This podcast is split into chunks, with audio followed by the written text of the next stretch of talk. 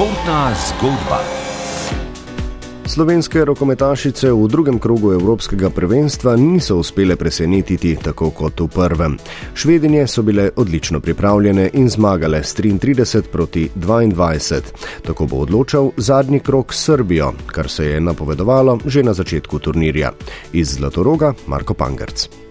Skandinavski reprezentanci sta imeli v drugem krogu celske skupine glavno besedo. Danska je po porazu proti Sloveniji jezo stresla nad Srbijo in si z visoko zmago že zagotovila uvrstitev v drugi del tekmovanja, Švedska pa poprej zmago proti Sloveniji. Po vodnem uspehu proti Danski bil tudi Zlatorok v tekmi proti polfinalistki zadnjega olimpijskega turnirja še bolj poven kot na prvi tekmi. Tudi navijači so začutili, da bo tudi podpora s tribun lahko jeziček na tehnici. Nič ni bilo narobe z včerajšnjim porazom, to je Evropsko prvenstvo, to je šport in to je rokomet. Slovenija je v preteklosti povzročala sive lase močnim reprezentancam, tudi gostiteljicam največjih turnirjev.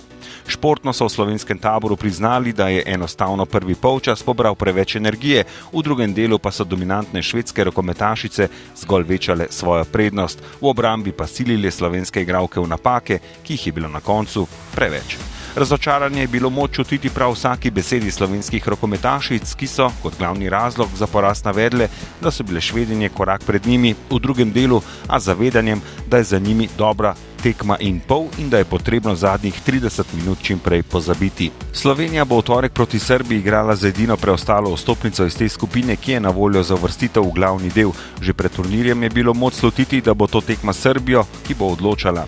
Srbijo vodi nekdani slovenski selektor Uroš Bregar. Po dveh precej krepkih porazih njegove izbrane vrste ima prav gotovo več skrbit kot slovenski selektor Dragan Adžič. Prestiž je igrati proti Danski in Švedski, a odločilna tekma bo jutri. Prvič bo Slovenija na tem turnirju v vlogi favorita, točki pa bosta brškone nujni za selitev v Ljubljano in za nadaljevanje prvenstva v glavnem delu.